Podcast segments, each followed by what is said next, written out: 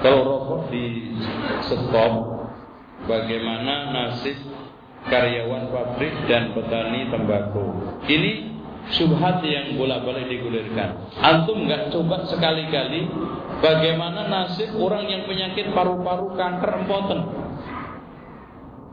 Yang kalau seandainya tidak ada rokok, dana untuk pengobatan ini lebih untuk mensejahterakan petani karyawan. Mas, perlu diketahui di dalam pundak rokok berbunyi merokok menyebabkan apa? Kanker, empoten, Nah, empoten mau nggak empoten lagi-lagi? Gangguan eh empoten jantung serangan jantung, gangguan kehamilan dan janin. Cobalah berpikir kita realistis seperti negara Jerman, Inggris. Berpikirnya keuntungan bukan keuntungan saklek. Satu tambah satu dua tidak. Keuntungan apa? Keuntungan yang sifatnya komprehensif. Kalau sekarang rokok Itu diproduksi di negara saya mungkin yang karyawan yang kerja karyawan saya yang kerja sekian devisa negara sekian.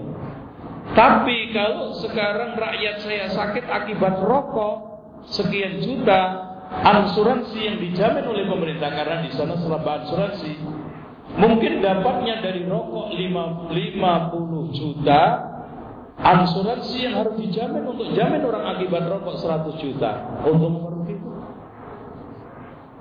Ini cara berpikir yang ilmiah, yang maju. Itu.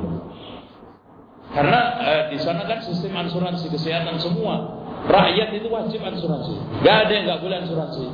Sama aja. Ngapain saya sekarang dapat duit dari rokok sekian akhirnya saya harus nyembuhin rakyat sekian miliar yang jantung, yang paru-paru, yang waduh macam empoten, apalagi nyembuhin empoten itu susah. Tapi memang merokok itu ngeyelnya super dengkel. Jadi beritahu pak banyak ngerok, merokok itu menyebabkan penyakit paru-paru. Ya ngeyel, ya nggak rokok penyakitnya rupa-rupa. Baru